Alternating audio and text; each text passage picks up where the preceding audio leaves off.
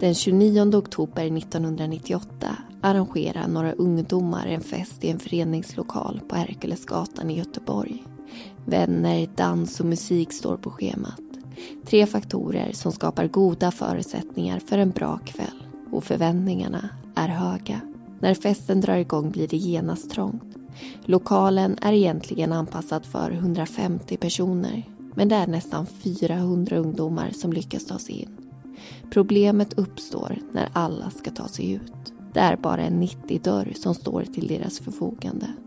Och när svart rök väller in i lokalen och det går upp för ungdomarna att det brinner utbryter panik.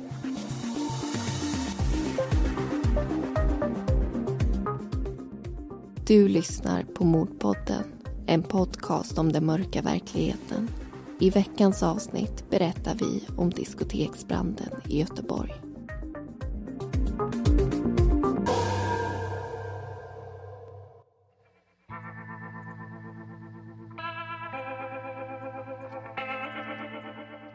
Året är 1998. I en lägenhet på Hammarkullen bor Bobby och hans familj. Bobby är 16 år gammal och hans stora passion i livet är handboll. Det är inte bara en passion utan en stor del av hans identitet. Intresset uppkom av en ren slump när han bara var nio år. Hans klass deltog då i en handbollstävling som kallades för bästa trean. Och från den dagen har han varit fast. Det blev snabbt uppenbart att han hade talang. En talang som tog honom hela vägen till ungdomslandslaget. Sporten bygger upp hans självkänsla och han lyckas med det som många strävar efter i den åldern men som få uppnår. Att känna trygghet i sig själv och den man är. Men den tryggheten, passionen och identiteten skulle under en natt tas ifrån honom. En av Bobbys nära vänner fyller snart 18 år och alla är överens om att dagen ska firas. En idé föds. En idé om att göra den här dagen till något speciellt, något stort. Ett firande där inte bara de närmaste är bjudna utan där alla som vill är välkomna. Att fixa en stor fest är självklart roligt men det ligger också en statusmässig vinst i det. De ser möjligheten att tjäna lite snabba pengar genom att ha inträde av de som kommer dit. Ingen stor peng, men med tillräckligt många gäster kan det bli en ganska stor summa ändå. För att kunna anordna en stor fest krävs en lokal. De beslutar sig för att hyra Makedonska föreningens lokaler vid Backaplan på Hisingen i Göteborg. Kompisgänget ger personliga inbjudningar till människor de vill ska vara där. Men de trycker även upp planscher och delar ut flyers så ryktet om festen sprider sig snabbt. Många ungdomar planerar att gå och förväntningarna är höga. För många kommer det här bli den första festen de går på någonsin. Och för 63 ungdomar, den sista. Trots att Bobby har hjälpt sin vän att planera festen kommer han själv till sin stora besvikelse inte kunna gå. Utöver sin egen handbollskarriär är han även tränare för sitt lillebrors lag.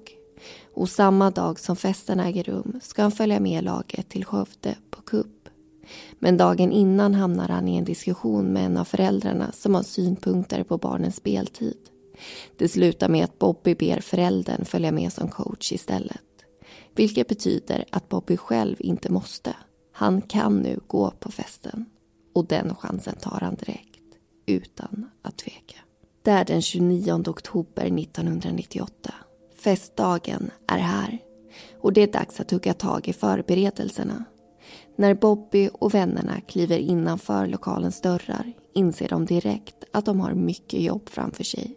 Det råder inga tvivel om att det är just en föreningslokal. Någon yta för dans, häng och gott snack finns inte. Hela golvytan är täckt av bord och stolar och det funkar inte när man ska ha fest. Möblerna måste bort. De börjar rota lite grann men hittar inget bra ställe att göra av dem på. Men så upptäcker de till slut en dörr bakom scenen. Den leder ut till ett trapphus som också är lokalens nödutgång. Där stöter de på en person som jobbar precis intill. Personen förklarar att andra som hyrt lokalen har ställt de överblivna möblerna i trapphuset. Så det gör ungdomarna. De konkar, lyfter och flyttar på nästan två ton bord och stolar. Allting staplas och ställs i nödutgången. Så nu ska det inte vara något problem för alla festsugna ungdomar att komma in och få plats. Att det däremot skulle kunna uppstå stora problem om alla skulle behöva ta sig ut reflekteras det inte över. Inte då. Ljud och ljus riggas upp. Kylarna fylls med läsk som ska säljas under kvällen och personerna som ska uppträda förbereder sig. Stämningen är bra, förväntansfull, men också skärpt. Vännerna vill inte bara ordna en fest. De vill ordna en riktigt bra fest. Därför tas det på stort allvar. Det är mycket prat om tidsschema och logistik. När de känner sig klara och tillräckligt förberedda inför kvällen lämnar de lokalen. Bobby följer med en vän hem som också ska uppträda under kvällen. De är många där som ska duscha och göra sig i ordning. Och det hela drar ut på tiden. Så innan de är klara drar den stora festen igång. Bobby har sedan tre år tillbaka haft ett förhållande med flickvännen Camilla. Hon ska egentligen inte med till festen men ringer upp under kvällen och säger att hon har ångrat sig. Så Bobby, hans kompis som ska spela på festen och kompisens flickvän möter upp Camilla och de går dit alla fyra. När de kommer fram är det första de lägger märke till den långa kön utanför. Ett hundratal ungdomar står och väntar på sin tur. Men eftersom Bobby har varit med och arrangerat festen och även lovat att hjälpa till vid entrén tränger sig han och sällskapet förbi. Klockan är nästan halv tolv och rökmaskinen har varit igång länge så de ser inte speciellt mycket. Men de ser tillräckligt för att förstå att lokalen är full. Det finns inga naturliga miljöer där man kan sitta eller stå och hänga. All golvyta är upptagen av festande ungdomar. Det enda Bobby tänker då är att de har lyckats. Planeringen hade inte varit förgäves utan gett det resultat de hoppats på. Människor har kul och dessutom förstår han på antalet att det även kommer bli lite klirr i kassan. Bobby och kompisen tar med sig sina flickvänner till baren och föreslår att de kan stå där och hjälpa till att sälja läsk. Kompisen går bort till scenen för att förbereda sitt uppträdande och Bobby går tillbaka till entrén där han har lovat att hjälpa till. Tanken är att han ska se till att folk kommer in men ganska snart märker han att människor istället är på väg ut. När de går förbi säger de att det luktar rök inne i lokalen och några säger att det brinner. Bobby reflekterar inte så mycket över det. Han tänker att det säkert är någon högtalare som börjat ryka eller en diskolampa som fått kortslutning. Men fler och fler säger samma sak. Och när han tittar in i ungdomarnas ögon möter han panik. Han förstår då att det kanske ändå är på allvar.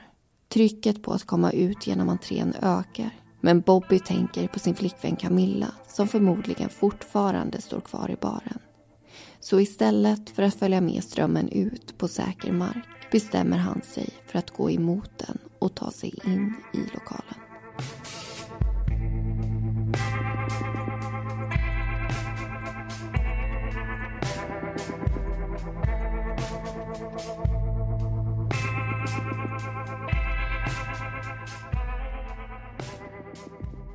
Ja, då får vi välkomna er in i den första diskussionen om diskoteksbranden i Göteborg. Det här är ett fall som har många år på nacken. Det skedde 1998. Men det är också en katastrof som många av oss känner till väldigt väl. För det är någonting som har påverkat oss genom åren och som man troligtvis har hört om förr. Jag var bara fyra år när det här hände och fick förmodligen inte titta på nyheter. Så jag har inget minne av att det hände när det hände. Men jag kommer ihåg att vi tittade på en film i skolan, säkert på gymnasiet kan jag tänka mig, som handlade om en person som överlevde diskoteksbranden. Och jag minns att jag blev oerhört tagen när jag såg den här filmen och det är ju inte så konstigt. Det var alltså 63 ungdomar som dog den här kvällen och det går ju knappt att ta in den siffran. Och många av dem som överlevde fick så mycket skador att det har påverkat deras liv väldigt mycket efteråt. Så man förstår ju att det här är en händelse som det fortfarande pratas mycket om även om det nu är ganska länge sedan det hände. Och det här är ju ett fall som vi har fått önska till oss flera gånger genom åren. Vi vet ju att det är många andra poddar som har berättat om diskoteksbranden och vi får ju också förutsätta att de flesta av er har ganska mycket förkunskaper om det som har hänt. Så vi kände att det var viktigt för oss att det här avsnittet tillförde någonting, att det blev någonting nytt i den ändå ganska massiva och breda rapporteringen som har varit. Och där kom Bobby in i bilden. Jag tog reda på att han var en av dem som överlevde branden och hörde av mig till honom och frågade om han kunde tänka sig att dela med sig av sin upplevelse. Och det ville han gärna göra, så till väldigt stor del bygger det här avsnittet på intervjun med honom. Och det här skulle jag säga är den största ynnesten med journalistyrket. Att man får möjligheten att lyssna på människors livshistorier. Och jag har alltid sett det som väldigt ärofyllt när en faktiskt helt främmande människa öppnar upp sig för mig på det viset. Och så kände jag även här. Hans upplevelse är väldigt stark och känslofylld. Och jag är väldigt tacksam för att vi har fått möjligheten att förmedla den i det här avsnittet. Men allt ska vi säga som berättas i det här avsnittet är inte hämtat ifrån Bob utan faktan, de dömdas historier och bakgrundsinformationen det är ju också taget ifrån domen i fråga. Så avsnittet är en blandning av Bobbys historia och den här mer allmänna händelseförloppet om vad som hände den här kvällen. Och det är faktiskt inte första gången Bobby berättar om det han har varit med om. Han har nämligen åkt runt och föreläst en hel del och för honom så blev det en väldigt viktig del i bearbetningen. Under många år så höll han alla de här känslorna och tankarna kring den här kvällen inom sig. Han ville inte prata med någon om hur han mådde och försökte att inte heller reflektera över det själv. Men så började han föreläsa och då hörde han sig själv sätta ord på känslor som han inte ens visste att han hade. Så han lärde sig någonting om sig själv varje föreläsning och fick ofta nya frågor frågor från de som lyssnade som gjorde att han blev tvungen att fundera kring saker som han inte hade låtit sig tänka på tidigare. Så det har hjälpt honom att prata om det i det formatet. Och nu är det ju som vi alla vet inga föreläsningstider, men jag tycker att ni ska behålla hans namn i minnet om ni vill veta mer om det han har varit med om. Men nu ska vi prata om någonting som vi inte tar upp i berättelsedelarna men som är oerhört viktigt och också relevant för att skapa sig en förståelse kring fallet och vad som händer den här kvällen. Och det är ju själva lokalen. Hur den är uppbyggd, för det är ju en stor anledning till att katastrofen sen blir så stor som den också blir. Makedoniska föreningens lokaler, som ungdomarna alltså hyrde för att ha den här festen i, är inrymda på andra våningsplanet i en byggnad som tidigare användes för industriändamål. Och för att komma in i festlokalen så går man in genom en dörr i markplan som leder in till ett trapphus som sen slutar vid ingången till själva festlokalen. Och den består ju av ett stort samlingsrum. Det finns också en scen längs ena kortväggen. Och till höger om den scenen så finns en nödutgång som leder ut i ett trapphus och som också är den enda vägen ut förutom den här entrén. Och det här nödtrapphuset leder i sin tur ner till en dörr som leder ut i en kulvert. En slags tunnel under marken kan man säga. Och det var ju många faktorer som ledde fram till att branden blev en så stor katastrof som den faktiskt blev. Och en av dem var att det var så många personer där. Men det var ju ingen som kunde veta att det skulle börja brinna så till en början såg arrangörerna bara det som positivt såklart att det var mycket folk och att de hade lyckats med den här festen. Och när man är så ung så är ju kanske inte risker och möjliga katastrofer det första man tänker på när man befinner sig i en sån här situation. Eh, jag minns själv när jag var yngre och eh, jag skulle sova över på ett höloft. Det var en stallgrej tillsammans med massa kompisar och eh, min pappa som har jobbat inom brandkåren en stor del av sitt yrkesliv han ställde frågan till den här ridskolan om det fanns brandvarnare på Höskullen vilket inte fanns. Och Det betydde att jag och alla mina vänner fick inte sova över på högskolan den gången. Och Jag var så arg på honom och tyckte att han var så pinsam. Och i efterhand är det enda jag kan känna, nu när man är vuxen och har lite mer erfarenhet, att han var den enda som faktiskt tänkte på säkerheten när det kommer till massa unga barn som i det här fallet alltså skulle befinna sig på en väldigt lättantändlig plats. Och det är ju så att chansen att det inte börjar brinna är ju mycket större än risken att det faktiskt gör det. Så jag tror också att man, att man har det här lite tankesättet att det här händer inte mig. Händer det någon gång så kommer inte jag vara där och det gör ju att man kanske blundar för det här tråkiga som man tänker inte borde kunna hända. Men när det väl händer så önskar man ju såklart att man hade tänkt annorlunda. Eh, men nu har det blivit dags att runda av den här diskussionen, fortsätta lyssna på avsnittet och vi ska få höra anledningen till varför det började brinna.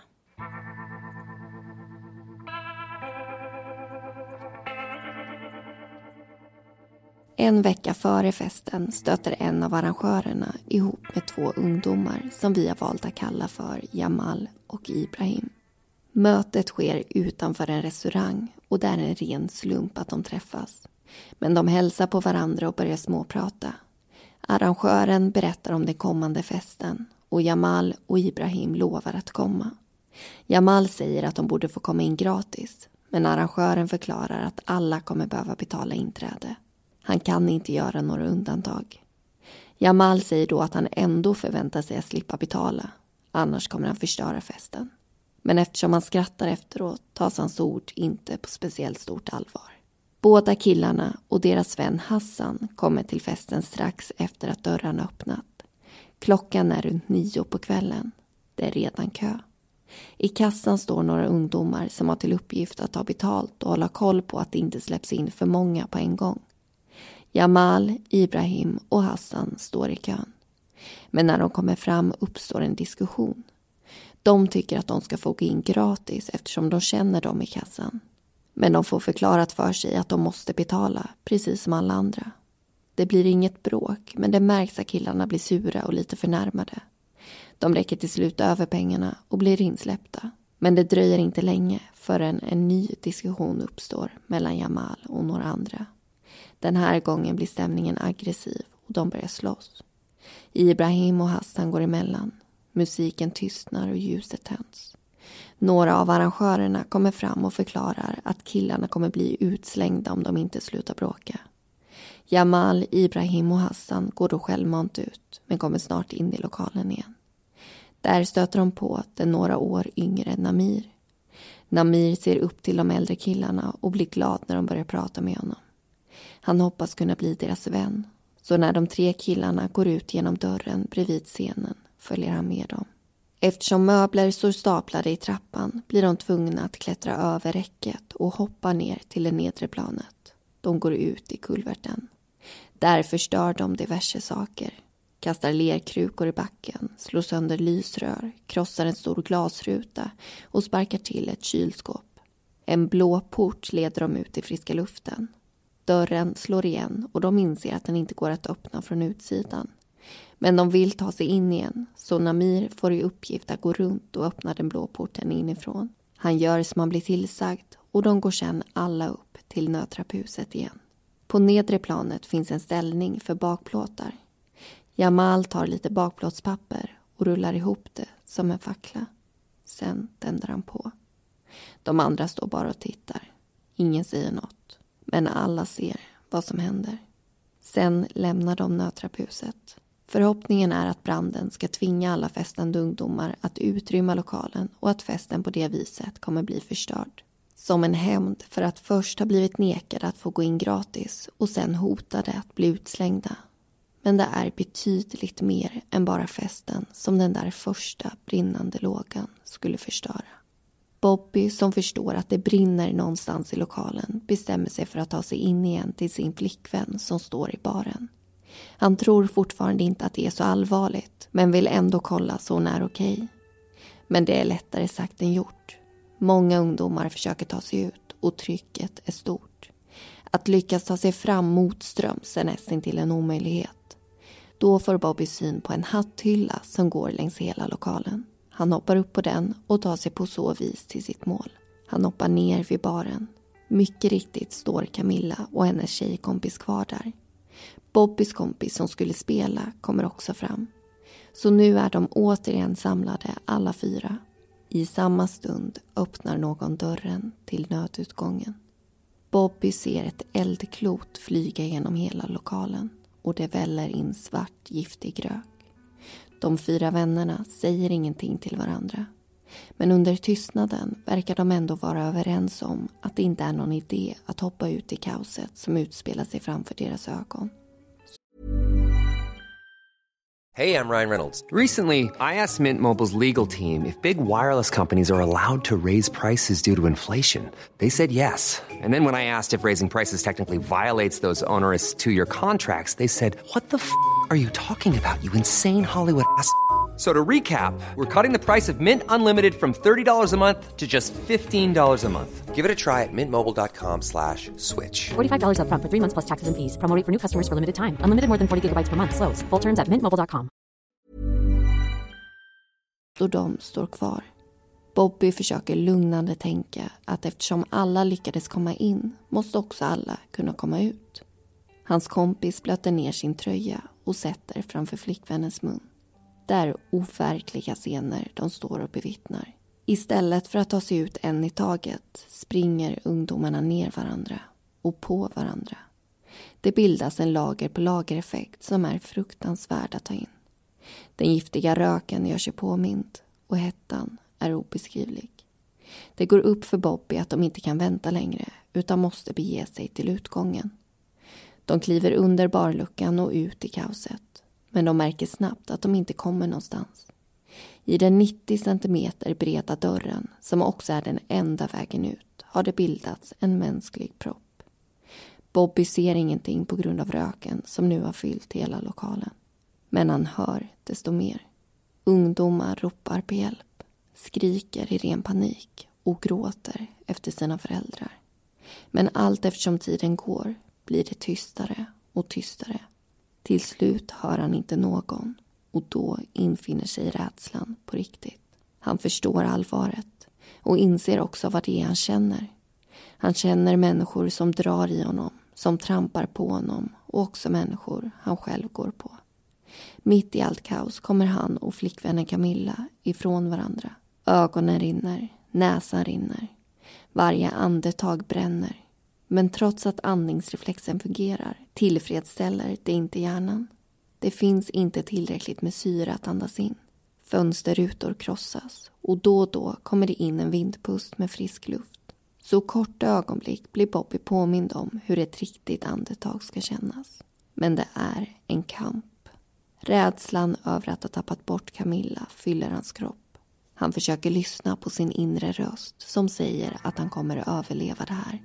Han är inte redo att ge upp livet men till slut känner han sig tvungen att ge upp kampen.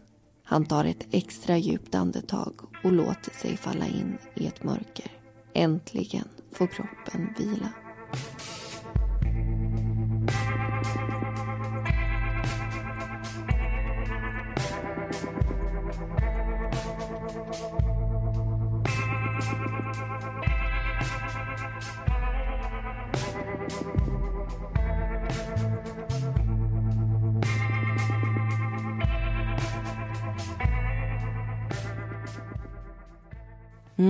Har vi hoppat in i diskussionen igen. Och Den här gången så har vi en hel del att ta oss igenom. Vi ska prata om kritik som riktades mot polisen, hur arrangörerna anklagades och även hur det utlovades en belöning till den som kunde lämna avgörande information gällande det här fallet. Men först så ska vi prata om orsaken till brandens snabba förlopp. För det finns ju tyvärr många olyckliga omständigheter. Ja, branden startade alltså i nödtrapphuset. Men från det här trapphuset fanns det ju två dörrar. Dels den som ledde vidare in i kulverten och dels den som ledde in i festlokalen bakom scenen. Hade båda de här, eller i alla fall en av dem, varit stängda så hade elden inte fått så mycket syre att jobba med och den hade förmodligen slocknat av sig själv. Men nu lämnade killarna som tände på dörren till kulverten öppen när de gick ut där och den andra dörren öppnades även upp inifrån festlokalen så båda öppnades upp och gav då den här branden syre. Och den här dörren var ju en branddörr som borde ha stängts igen. Men den fungerade ju inte och det gjorde att det bara tog ett par minuter innan röken fyllde hela lokalen och ytterligare några minuter efter det så fylldes allting med giftiga gaser och inte heller stängningsanordningen till dörren som gick mellan nödtrapphuset och kulverten fungerade som det skulle. En rökdetektor eller en värmedetektor borde ha stängt den men nu såg alltså båda dörrarna helt öppna. Sen var det ju också betydligt fler personer inne i lokalen än vad som var tillåtet. Maxantalet var egentligen 150 personer men det var nästan 400 ungdomar som skulle ta sig ut därifrån på en och samma gång. Och de hade ju bara en 90-dörr till sitt förfogande så man förstår ju att det uppstår panik och får man panik så är det ju väldigt svårt att tänka logiskt. Så alla försökte ju ta sig ut på en och samma gång vilket gjorde att det också blev helstopp i den här eh, smala dörröppningen. Fönstren var inte heller till så stor hjälp. De satt för det första högt upp från golvet eftersom det var en gammal industrilokal. Och flera av dem hade täta stålspröj så där gick det såklart inte att ta sig ut överhuvudtaget. Och de fönstren som inte hade det var ju fortfarande fem meter över asfalten så det är ju livsfarligt att hoppa ut. Men det valde alltså många ändå att göra för att de förmodligen såg det som sin enda chans och det är ytterligare ett bevis på vilken otrolig panik de här ungdomarna måste ha haft. Och det var ju så många som också miste livet den här natten. Alltså hela 63 personer avled. Och det är ju naturligt att vilja att den eller de som ansvarar för deras död ska ställas till svars. Men man lyckas ju inte få tag i dem i början av den här utredningen av fallet. Man hittar inte de som tände på branden och då riktas ju istället de här anklagelserna och ansvaret mot de som har anordnat festen. Och man är inte arg på dem för att de har tänt på, för det har de ju inte gjort. Men man är arg för att de har anordnat en fest där säkerhetsföreskrifterna inte följdes och att det resulterade i en sån katastrof som det också gjorde. Så i februari 1999 beslutade förundersökningsledaren att delge arrangörerna misstanke om grovt vållande till annans död och grovt vållande till kroppsskada. Och det här möttes av stor kritik. Många tyckte att fokus riktades fel och att polisen anklagade arrangörerna eftersom de inte lyckades få tag i de rätta gärningspersonerna bara för att ge någon skulden. Och sen tog ju utredningen lång tid så det fanns redan ett missnöje mot den polisiära insatsen. Men något åtal mot arrangörerna väcktes inte. Och i slutet av året fick polisen in intressanta uppgifter som fick dem att helt skifta fokus. Och det hände ju strax efter att regeringen utfäst en belöning på 3 miljoner kronor till den som kunde lämna upplysningar som avslöjade vilka personer som hade tänt på. Och mer om det, det ska vi lyssna till nu.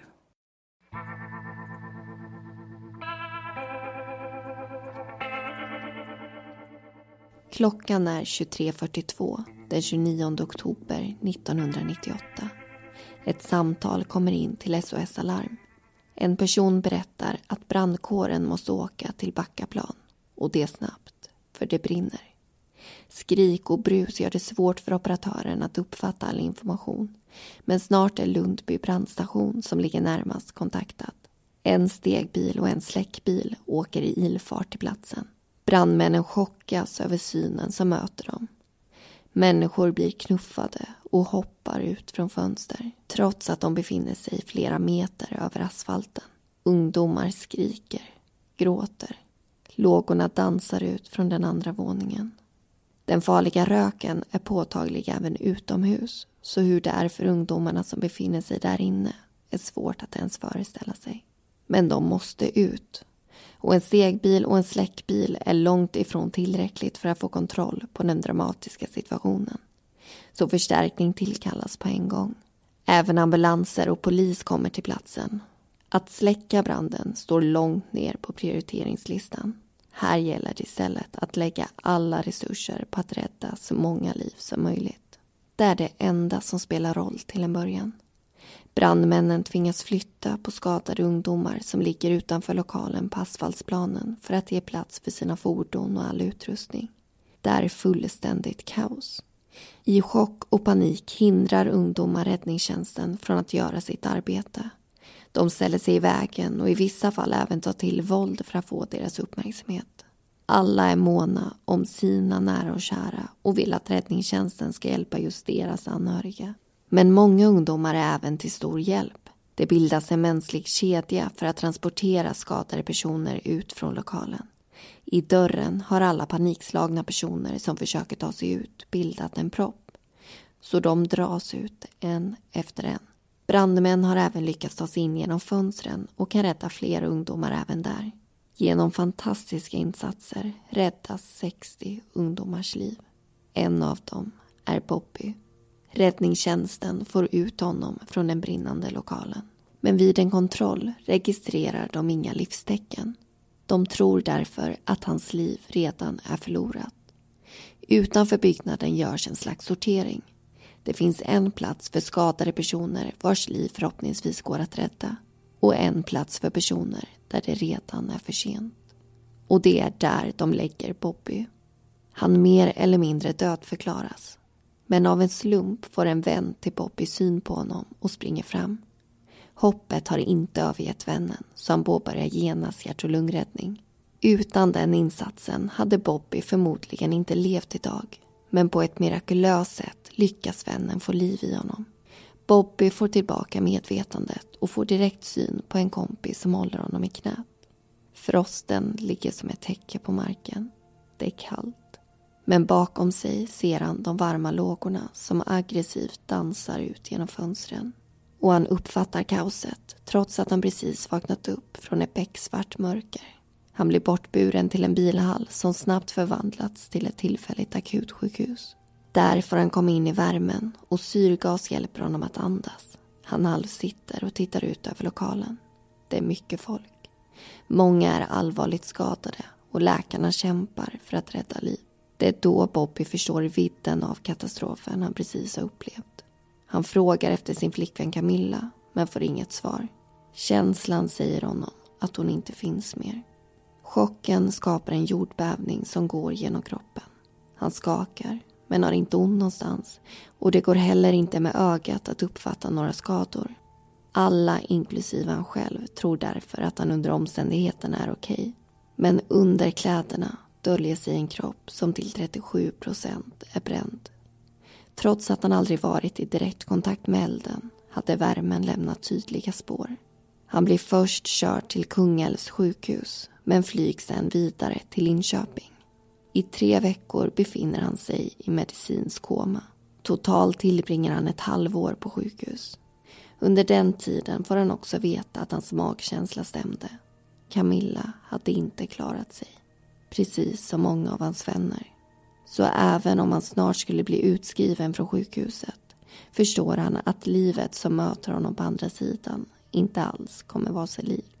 Och han är långt ifrån ensam om att känna känslan av att branden var en brytpunkt i livet. Med ett liv före och ett annat liv efter. Totalt skadades 213 ungdomar varav 150 blev inlagda på sjukhus och för 63 ungdomar tog livet slut inne i den brinnande lokalen. Bara några dagar efter branden förvandlas asfaltsplanen till ett hav fyllt av blommor, fotografier och ljus för att hedra alla omkomna ungdomar. Frågan som alla ställer sig är vem eller vilka som bär ansvaret för den här katastrofen. Flera rykten börjar sprida sig, bland annat att rasistiska motiv skulle ligga bakom branden. Att gå till botten med den verkliga orsaken skulle bli en komplicerad process och ta tid trots att det läggs rekordstora resurser på utredningen. På brandens årsdag är det fortfarande ingen person gripen.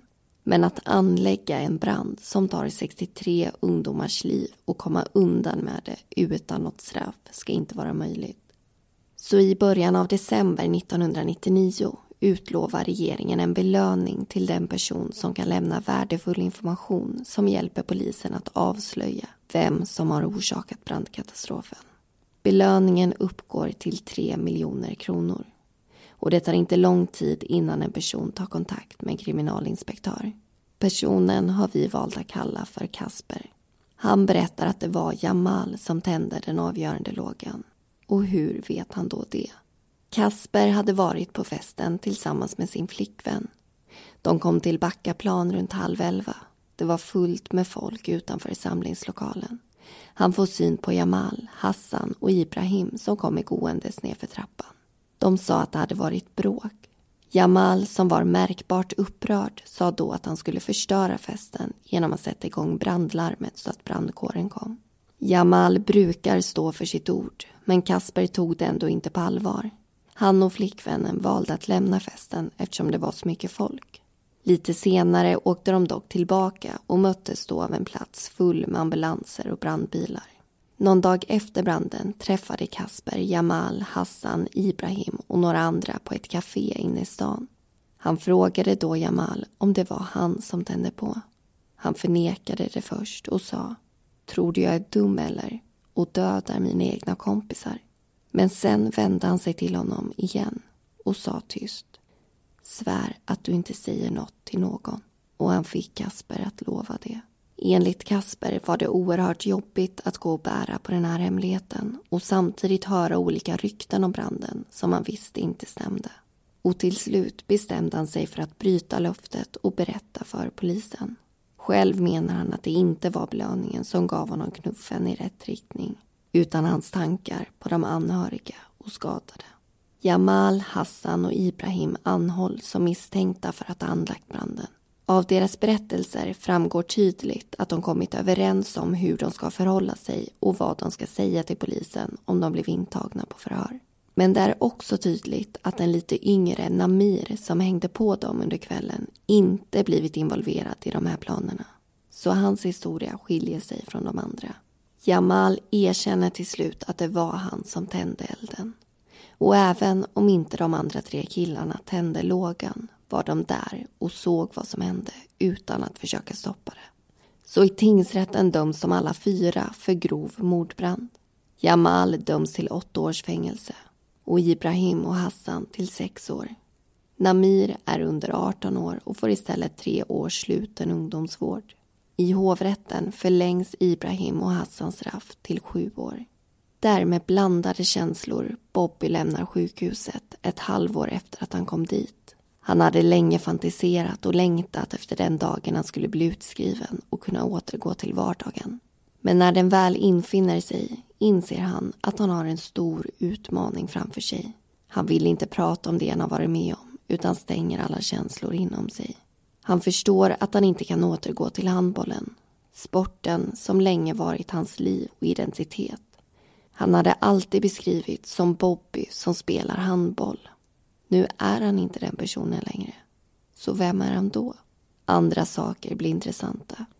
Mörka saker som leder honom till fel sida av lagen. All medicin som han fått utskriven på sjukhuset skapar ett missbruk och han mår bara sämre och sämre. Men när Bobby är 26 år får livet en vändpunkt. Han befinner sig på förlossningen och bevittnar sin dotter komma till världen. När det nya lilla livet tagit sina första andetag måste Bobby springa ut i allrummet. Tårarna rinner nerför hans kinder. Det är lyckotårar. Och han inser att det är första gången sedan brandkatastrofen som han gråter. Och när han väl börjat kan han inte sluta. Det är som om det plötsligt blir lättare att andas. Trycket över bröstet och klumpen i magen som har funnits där sedan den 29 oktober 1998 försvinner. Och han inser att det är så här man ska må.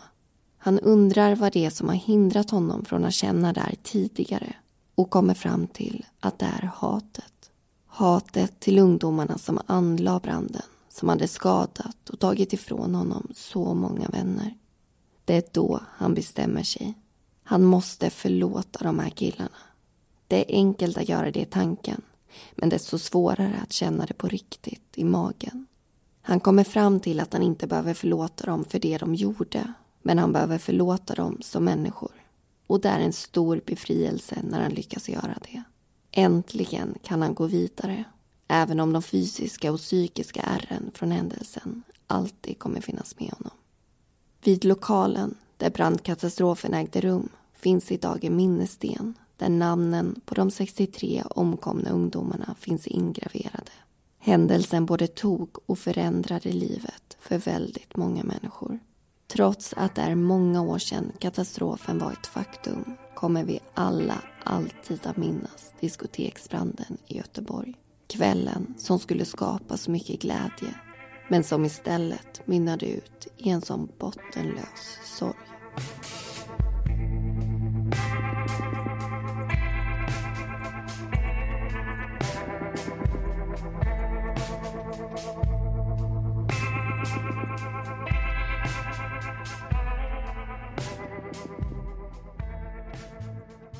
Och det var allting vi hade att berätta om diskoteksbranden i Göteborg. Alla personer förutom Bobby och Camilla heter egentligen någonting annat. Och informationen är hämtad ifrån domarna i fallet, den nordiska kriminalkrönikan från år 2000 och intervjun med Bobby.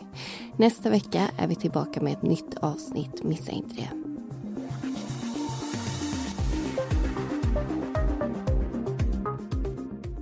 Du har lyssnat på Mordpodden. Vi som har producerat den heter Amanda Karlsson och Linnea Bolin. Bakgrundsmusiken var bland annat Soaring av Kevin MacLeod och Deep Space av Audionautics.